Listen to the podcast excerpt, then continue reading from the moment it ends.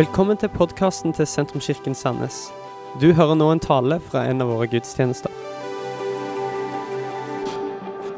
Eh, Og vi bruker januar dette året, som vi gjør egentlig har bestemt oss for å gjøre hvert år. At eh, januar er en sånn måned vi setter av for å sette fokus, for å legge grunnlaget, for å se på det året som ligger foran, eh, hvor vi setter fokus og vi søker Gud sammen.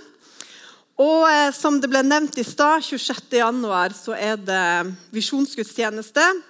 Og det blir en sånn fest eh, hvor vi sammen som kirke retter blikket på det som ligger foran. Også, og nå i de ukene før det så lader vi på en måte opp til det. Så det er bra. Eh, og helt siden Sentrumskirka ble starta, så har Jesus til en ny generasjon vært eh, overskrifta for eh, det vi holder på med, for hvem vi er, og hva vi som kirke ønsker å være. Og dette året så starter vi igjen, eller vi starter dette tiåret med å se hva, hva betyr det for oss som kirke. Eh, og da ikke bare liksom for oss som kirke i de aktiviteter og det vi gjør og det vi setter opp som program, men hva betyr det for hver enkelt av oss? Eh, hva har det å si for meg at vi skal gi Jesus til en ny generasjon? Eh, Vi ønsker i denne kirka at det er noe vi alle skal ha eierskap til. eh, Og at hver enkelt av oss kan få lov til å finne sin plass i den visjonen. Og Det vil du se også kommer til uttrykk gjennom denne bønne- og fasteaksjonen som vi har gående nå disse ukene.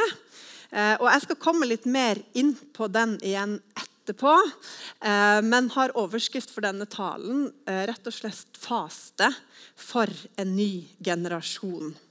Eh, hva, Vi skal se på hvordan faste òg kan være med å sette fokus og hjelpe oss til å se enda tydeligere hva betyr dette for meg, og hva betyr det her for oss som kirke.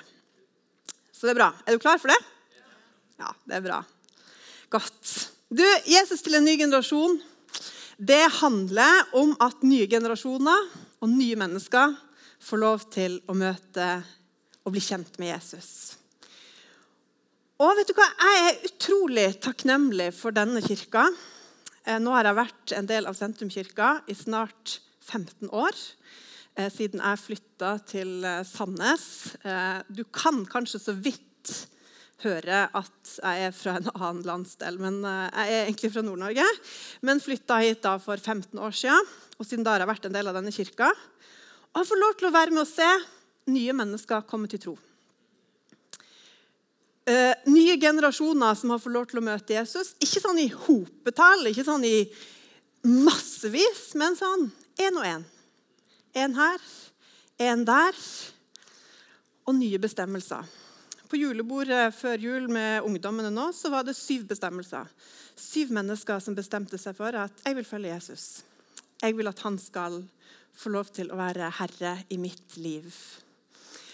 Eh, og det gjør meg takknemlig, for det som er stort, det er jo både holdt på å si, det øyeblikket der et menneske får lov til å koble på Jesus. Men så er det òg stort å se på hva betyr de tallene 10 år, 20 år, 50 år seinere. Og da for det handler jo egentlig ikke om tall. Det handler ikke om at så og så mange liksom, gjorde et eller annet, og det skjedde der og da, men det handler jo om liv og at mennesker får sine liv forandra. I sommer så var jeg i eh, begravelse til min farmor, eh, som fikk bli 98 år. Det er, det er ganske mye. Men det var interessant å se. Når hun var 21 år, så ble hun invitert med av storebroren sin på et vekkelsesmøte på et bedehus i Volda. Eh, og han hadde prøvd å få henne med liksom, flere det, var sånn, det gikk liksom hver dag. Og hun nekta. Skulle ikke være med på det. Hun hadde masse andre gøye ting å finne på. tenkte hun. Så, men så ble hun litt interessert, for hun så at ok, det har skjedd et eller annet i min storebror. Og det som da skjer, er at eh, selvfølgelig den, gang, den ene dagen han ikke kunne være med så, på det møtet, så sniker min farmor seg på møtet. da. Skal selvfølgelig ikke være med storebror. Men på det møtet så møter hun Jesus. Og det forandrer hele hennes liv. Og det, så stort, er så stort da, å se hva det betyr holdt på å si, eh, 70-80 år seinere i et menneske sitt liv. Der du bare får lov til å se et helt liv som har fått lov til å leve sammen med Jesus. Og hvordan troa får lov til å bære resten av det livet. Og hvordan det nå har ført til at mange i familien og liksom, At det, troa har gått videre til neste generasjon. Barn, barnebarn og oldebarn. Og der I begravelsen så er det òg naboer det er venner som står og forteller at pga. min farmor så, jeg på, så har jeg fått lov til å møte Jesus. Og jeg tenker litt sånn, Nå er jo ikke det sånn at vi har fått lov til å følge folk i 80 år i denne kirka enda, eh, i og med at den ikke er så gammel, denne kirka. Men mange av de reisene som jeg allerede har fått lov til å se i de her 15 årene, gjør meg veldig takknemlig. Både når jeg ser på denne salen eh, og får lov til å kjenne reisene til mange av dere som sitter her. Eh, noen som nå er i andre kirker. Folk som er rundt om i landet. Eh, barn, ungdommer og nye mennesker som har fått lov til å møte Jesus på en sånn måte at det har satt retning for livet deres. Og vet du hva, det, det, er en glede for meg å få lov til å være med og følge de barna som vokste opp i denne kirka. Det er en glede å få lov til Jeg er stort sett i barnekirka på søndagene. Så eh, Av og til så er jeg her inne, da. Men eh, det, vet du hva, det er utrolig stort å få lov til å være med og se den reisen som barna i vår kirke tar og se fireåringene som bare er så ivrig og løper så fort de kan. Eh, fordi nå er det søndagsskole og bare sluker kunnskap og er fascinert av bibelhistoriene. Og, og se åtteåringene som utforsker og som kanskje stiller mer spørsmål og lurer på liksom, hvordan henger dette sammen, og hva med det og hva med det. Og så ser vi elleveåringer og tolvåringer som begynner å lande litt. Dette for sin egen del og der du får ha samtaler om tro, og det er oppriktige spørsmål. Eh, og kanskje nydeligst av alt er jo å få lov til å være med og høre når de ber sine bønner til Gud eh, fra oppriktige barnehjerter. Det er stort å få lov til å se, være med og se ungdommer i denne kirka ta nye skritt og vokse, finne sin plass, som inviteres vennene med seg, som gjør Jesus kjent på skolen sin og så etter hvert få lov til å se mange av disse barn og ungdommer etter hvert bli voksne. Og se hvordan troa på Jesus fortsetter med å prege livet. Det er utrolig stort. Og jeg håper at vi som kirke ser det som skjer. Eh, at vi legger merke til de reisene og det som på en måte rører seg i de nye generasjonene. Og så er det sånn at i denne reisen til folk og mitt liv og sånn, så er det noen sånne eventer. sant? som en konferanse, det kan være et leir eller en møte eller kanskje et julebord. Sånne øyeblikk som du bare Oi, her skjedde det et eller annet. Her forvandla det noe. Her var det et eller annet som merka seg, som gjorde at det satte retning for mitt liv. Og Det legger vi til rette for. Vi ønsker å ha mange sånne arenaer der vi vet at oi, her er det mulighet for folk til å bare koble med himmelen. Eh, og hvor det får lov til å være med og peke ut en retning for livet til folk. Men samtidig så er det kanskje noe som er vel så viktig som det. Det er når man da har tatt, eller òg før eh, man har tatt det valget om å følge Jesus, men òg etterpå, da, er jo egentlig kanskje det som er det aller viktigste, som har mest å si er livet til de menneskene som man får lov til å møte og være sammen med. Kirka, fellesskapet, relasjonene. Å få lov til å se tro levd ut i ulike sesonger, i ulike sivilstatuser, i ulike oppturer og nedturer. Å få lov til å se hvordan troa er ment til å leves. Og Det er jo her vi som kirke sammen kommer inn. Og At vi kan få lov til å være med å skape de relasjonene der vi får lov til å være med å vise hvordan troa er i livet til en lærer, livet i, til en småbarnsfamilie, livet til en eh, businessfyr, livet til liksom, Uansett! Sant? Alle disse situasjonene og sesongene. Og så får vi lov til å være med og legge til rette. Vet du hva, sånn her kan det være å følge Jesus. Og så er det det som får lov til å være med og kanskje sette de viktigste spor, og som gjør at troa får lov til å ikke bare bli en eventting, men at de ser at oi, dette er jo noe som er for et helt liv. Nå har vi nettopp feira jul. Og eh, vi har feira at Gud ble menneske i form av en liten baby. Og når vi leser Bibelen, så kan vi se at noen måneder før Jesus ble født, så ble det også født en annen baby, eh, nemlig en som het Johannes, eh, også kjent som døperen Johannes. Og Han skulle rydde vei for Jesus og forberede mennesker i eh, Israel på at Jesus skulle komme, og på det han skulle gjøre. Og Det som jeg synes er litt kult da, med det som var Johannes sitt oppdrag Det som var Johannes sitt oppdrag, blir faktisk beskrevet helt i slutten av Det gamle testamentet, flere hundre år før han ble født. Og Der står det at det skal komme en profet. Eh, og Om denne profeten så står det at eh, det her er fra Malaki 4, eh, så står det at han skal vende fedrenes hjerter til barna og barnas hjerter til fedrene. Og så da, I forkant av at Elisabeth og Zakaria som de heter, som får Johannes, så kommer det en engel til faren til Johannes. Fordi Han og kona Elisabeth de var barnløse, og de kunne ikke få barn. Men engelen gir de beskjed om at dere skal få en sønn, eh, og dere skal gi ham navnet Johannes. Og så beskriver engelen noen ting av det som på en måte skal kjennetegne det som skal være hans oppdrag, det som skal være hans virke i denne verden. Og Da bruker denne engelen akkurat de samme ordene som profeten Malaki hadde sagt 400 eh, år tidligere. Han skal gå i forveien for Herren med samme ånd og kraft som Elia, for å vende fedrenes hjerte til barna og gi ulydige det sinn som rettferdige har, for å gjøre i stand for Herren et velforberedt folk. Jeg syns dette egentlig er veldig interessant. Å forberede seg for Jesus. Hva er det vi gjør da? Vi skal forberede oss på Jesu komme. Jo, at fedrenes hjerter skal vendes mot barna. Et forberedt folk. Og her ser vi at I det som Gud gjør, og i forkant av liksom den største begivenheten i verdenshistorien, at Gud blir menneske, så gjør Gud et poeng av vet du hva, det skal skje noe mellom generasjonene. Som kanskje ikke er så vanlig. Nå er det sånn i Norge nå da, at De aller fleste har et veldig godt og nært forhold til sine foreldre. og Det er veldig bra, og man har derfor betydningsfulle voksenrelasjoner. Men samtidig så lever vi i en veldig sånn verden der vi lever veldig sånn Ok, Veldig mye av livet vårt er egentlig sammen med de som er akkurat like gamle som oss. Og, og ofte veldig like oss.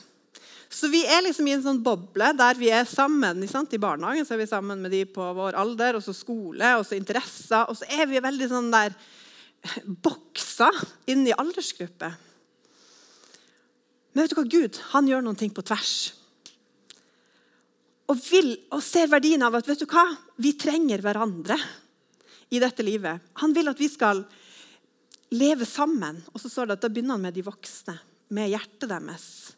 At deres hjerter skal vendes mot barna.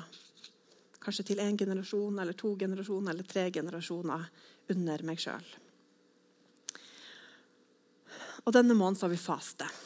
Vi har en felles bønne- og fasteaksjon. Og vi skaper rom i vår hverdag til å høre fra Gud, og til å be til Gud, og til å forberede oss og faste Jeg vet ikke hva slags forhold du har til det ordet. Om du liksom bare får helt noia bare av å høre det, eller tenker oi, det høres heftig ut. Men faste det handler om mer enn liksom å klare å ta seg sammen. og nå skal jeg klare et eller annet. Men det handler om å la Gud få lov til å gjøre noen ting i oss. Og skape det rommet i vår hverdag som vi kanskje ellers ikke har. Der vi sier, 'Gud, nå er det tida for at jeg skal forberede meg for det som kommer. Og Når vi leser gjennom Bibelen, så ser vi også at faste ofte er noen ting de gjorde sammen. Eh, folket fasta, menigheten fasta. Vi søker Gud sammen. Og Vi tror at faste kan være både noen ting som er personlig, men òg noen ting vi gjør sammen som kirke. Og Derfor så tror jeg at i denne januar, når vi har bønne- og fasteaksjon, så kan vi få lov til å oppleve, eh, oppleve begge deler. At det er personlig. At du kan få lov til å erfare at når du setter rom i din hverdag til å søke Gud, at du kan få lov til å komme med ditt liv framfor Gud, og at Gud kommer til å berøre deg, tale til deg eh, og si noen ting til deg. Samtidig så ønsker vi å sette fokus denne januar på, med inngangen til et nytt tiår, at vi søker Gud sammen for en ny generasjon. Og du vil se hvis du har begynt på bønnekalenderen, det er ikke for seint å hive seg på, du kan bli med på de to siste ukene nå, så vil du se at mange av de bønneemnene som står for hver dag i den kalenderen, handler nettopp om det.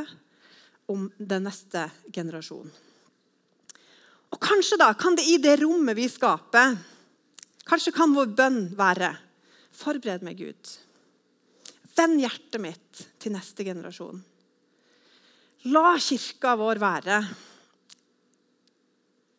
en plass der nye mennesker får lov til å komme til tro. La kirka vår være en plass der barn og unge får lov til å møte Jesus på en sånn måte og får lov til å bli kjent med han, som resulterer i at de får lov til å leve med han et helt liv. Og at vi òg i den fasen kan tenke ok, men hva er min plass i dette her? Og Per Eivind snakka om stillhet sist eh, søndag. Eh, og snakka om ok, hvordan skal vi vite at Gud taler. Hvordan føles det? Hvordan oppleves det? Kanskje kan det være en tanke. Kanskje kan det være noe som får hjertet til å banke. Personer man tenker på. Ideer man får.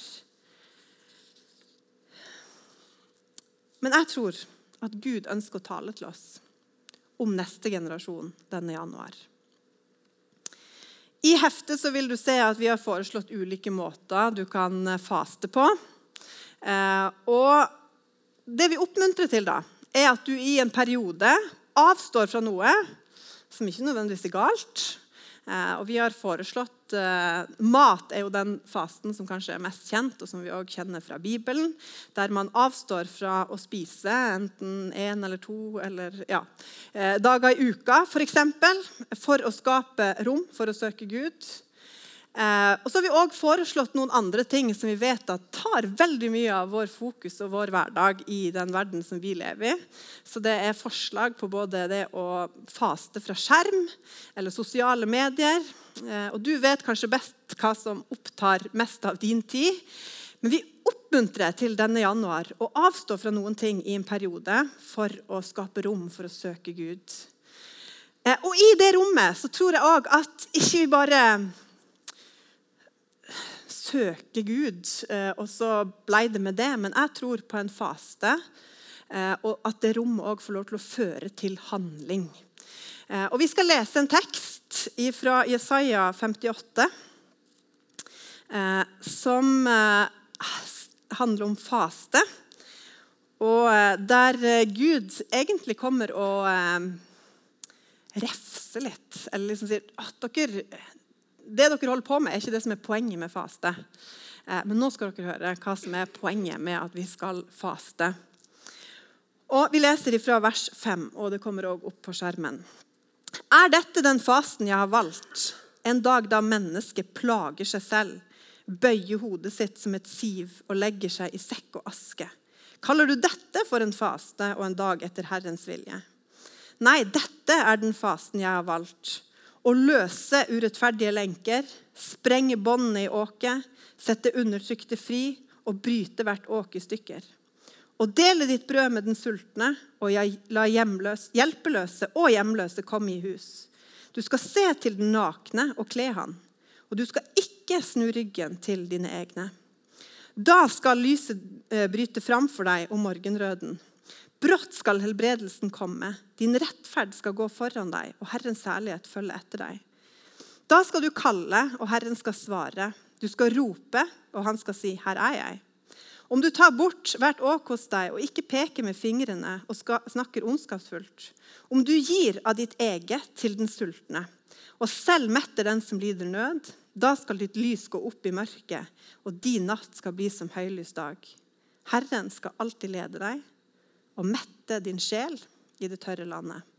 Han skal styrke kroppen din, så du blir som en vannrik hage, en kilde der vannet aldri svikter. De gamle ruiner skal bygges opp igjen. Du skal gjenreise grunnmurer fra eldgamle slekter. Du skal kalles den som murer eh, igjen revner, den som setter i stand veier, så folk kan bo der. Dette er en tekst som faktisk har fulgt meg siden jeg var tenåring. Eh, og som har fått lov til å være veldig definerende for mitt liv. Eh, og Det er utrolig mye vi kunne ha henta ut fra den teksten. En veldig vakker eh, og, og nesten sånn poetisk tekst. Men jeg har valgt at vi skal bare se på tre ting. Og Her står det først om hva er den fasten som Gud har valgt. Og denne Teksten sier noe som faktisk igjen understrekes av Jesus når han snakker om faste at faste handler ikke om å plage seg sjøl eller vise seg sjøl fram. Jesus sier til og med at når du faster, så vær fresh. liksom. Ikke, ikke gå liksom og se liksom, eh, dunkel ut og et eller annet og aske på hodet. og sånt. Men liksom, vask deg, vær fresh. La ingen få vise, vite at du faster. Ikke, poenget er ikke å gjøre en eller annen riktig greie for at nå skal alle se hvor flink jeg er til å liksom, disiplinere meg til det her. Nei, Poenget med faste er jo at det er noe som er mellom meg og Gud. Det er noen ting som er mellom oss og Gud. Og der du og jeg får lov til å skape et rom der Gud får lov til å virke i oss. Og Det på en måte understreker den teksten her at det handler ikke om selvpining eller liksom å være flink nok til et eller annet. Men vi skal skape et rom for at Gud får lov til å virke i oss. Og da ser vi det andre her, da er at denne fasten faktisk, Når man skaper det rommet, så skjer det noen ting med oss som gjør at vi strekker ut hendene våre til andre mennesker. For Gud snakker her om hva er det som kommer ut av at vi setter av dette rommet. Jo, det blir faste som handler og Kanskje er det nettopp det som skjer når vi skaper rom i vår hverdag, som så fort handler om oss sjøl til vanlig. meg og mitt. Hvordan skal jeg få hverdagen min til å gå opp? Hvordan skal dette her funke? Men når vi søker Gud og hans hjerte, så gir det utslag i munnene våre, i hendene våre og i føttene våre. Og jeg håper, og det sier jeg for min egen del, eh, at denne januar så har jeg bare lyst til at Gud, ditt hjerte, det er det jeg vil ha. Ditt hjerte som ønsker å hjelpe mennesker til frihet. Ditt hjerte som ønsker å dele med de som ikke har noen ting. Ditt hjerte som ikke snur ryggen bort. Ditt hjerte som gir av det som er mitt, til andre. Ditt hjerte som ønsker å hjelpe de som ikke har det så bra. Og ditt hjerte som ikke handler om å dømme eller peke og snakke stygt, men å heller reise opp og snakke liv. Ditt hjerte, Gud, for neste generasjon. Jeg vil se dem. Her står det La de komme i ditt hus. Vær med og gi av det de trenger. Tenk hvis vi kan være en sånn kirke som er med på å gi mennesker det de trenger, som gjør at de er utrusta til dette livet sammen med Jesus. At jeg bryr meg om det som skjer i neste generasjon.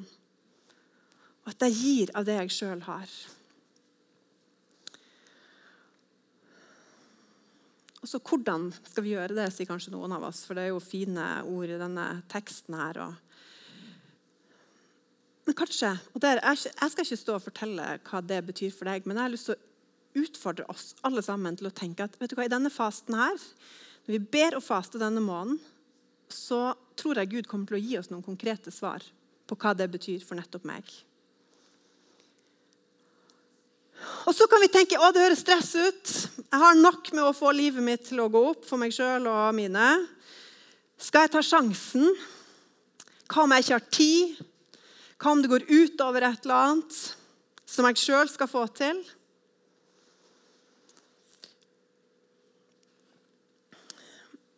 Men så lover denne teksten oss noen ting annet òg, og nå kan bandet gjøre seg eh, klare. Denne teksten sier noe om Guds løfte og ledelse når vi følger Han. Og så står det det at ditt lys skal gå opp i mørket. Gud skal lede deg. Han skal mette din sjel. Det betyr jo altså det som er holdt på å si, tankene våre og hjertet vårt. At når vi bryr oss om andre, så skal vi oppleve at Gud faktisk metter det som er behovet i oss sjøl. Og ikke bare skal han mette liksom sjela vår, men det står faktisk her løftet om at han skal styrke kroppen vår òg. Sånn at du kan bli som en kilde der vannet aldri svikter. Og det er faktisk erfaringa fra mitt liv så langt. At når man våger noen ganger å på en måte legge sine egne behov til side, og ikke alltid det passer, men å faktisk si vet du hva, jeg ønsker å bety noe for de menneskene som er rundt meg, så forsørger Gud oss. Og Jesus han sier faktisk noe av det samme i den preken han har om faste, som du kan finne i Matteus 6 hvis du vil lese den. Eh, så holder han en eh, preken om mye forskjellig.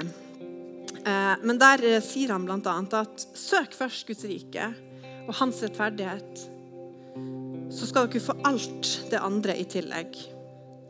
Og i alt det andre eh, han snakker om, er jo da våre menneskelige behov, det som vi gjerne kanskje er bekymra over, og som egentlig livet vårt fort sentrerer seg rundt. Alle disse behovene som jeg skal dekke for meg sjøl og min familie, hvis jeg har det. Og det er ofte det vi bruker livene våre på. En kompis av meg han oppsummerte det veldig fint en gang, og han sa at det beste med å søke Guds rike først det er ikke at du får alt det andre i tillegg, men det er at du får Gud først.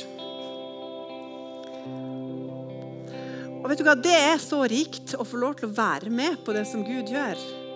Å få oppleve at mitt liv ikke bare handler om de her menneskelige bekymringene. Men vet du hva? jeg får lov til å være med på det Gud gjør i denne verden. Det å få lov til å følge reisene til barn og ungdom i denne kirka, det er det er så utrolig stort. Og jeg tror at når man får lov til å være med på å se Guds rike skje, så ser man at oi, det største her er jo ikke at jeg får alt det andre i tillegg, men det jeg får lov til å være med på.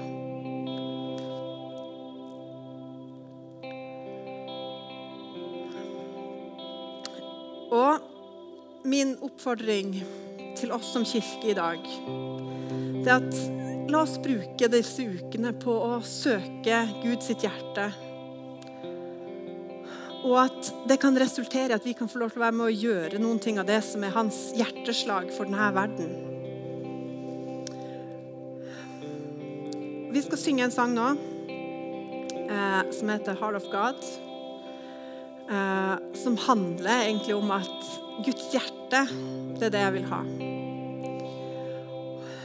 Skal vi be sammen etterpå, og så skal jeg gi en uh, innbydelse til deg som er her og kanskje enda ikke har tatt imot Jesus, eller ikke har valgt uh, å ta imot Hans nåde og Hans godhet. Skal du få en anledning til å respondere på det etterpå. Men jeg har lyst til at vi, vi kan reise oss. Uh, og så skal vi sammen som kirke bare som en del av den bønne- og fasteaksjonen vi har gående nå, bare innvie oss for Gud og si at ditt hjerte, Gud, er det jeg vil ha. Tal til meg, og la det som er ditt hjerte for uh, neste nye generasjon og for menneskene rundt meg som enda ikke tror, det vil jeg ha tak på. Det vil jeg at jeg skal få lov til å gripe mitt hjerte som samtidig gjør noe med min munn, gjør noe med mine hender og gjør noe med mine føtter. Skal vi søke Gud sammen? La oss gripes av det som er ditt hjerte.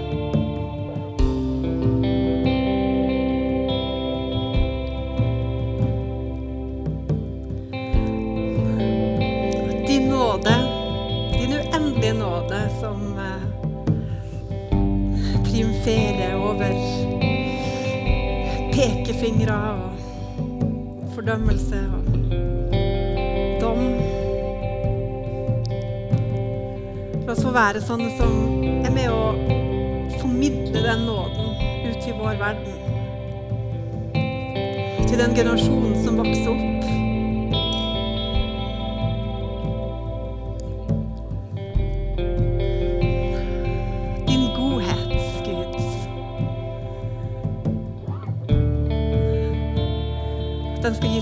Utslag i vår, våre hender, våre føtter, våre samtaler.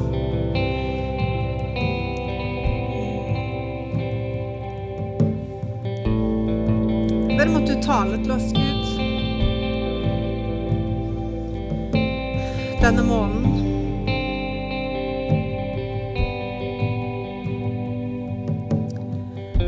Vi som kirke igjen får lov til å se ditt hjerte for en ny generasjon.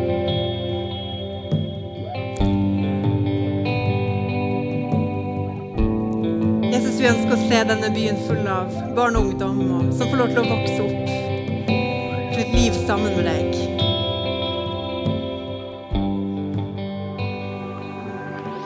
Dette var slutten på denne talen. Håper du har blitt inspirert. Om du har lyst til å vite mer om hvem vi er, eller hva vi gjør, eller har lyst til å høre flere podkaster, så kan du besøke vår nettside sentrums.no.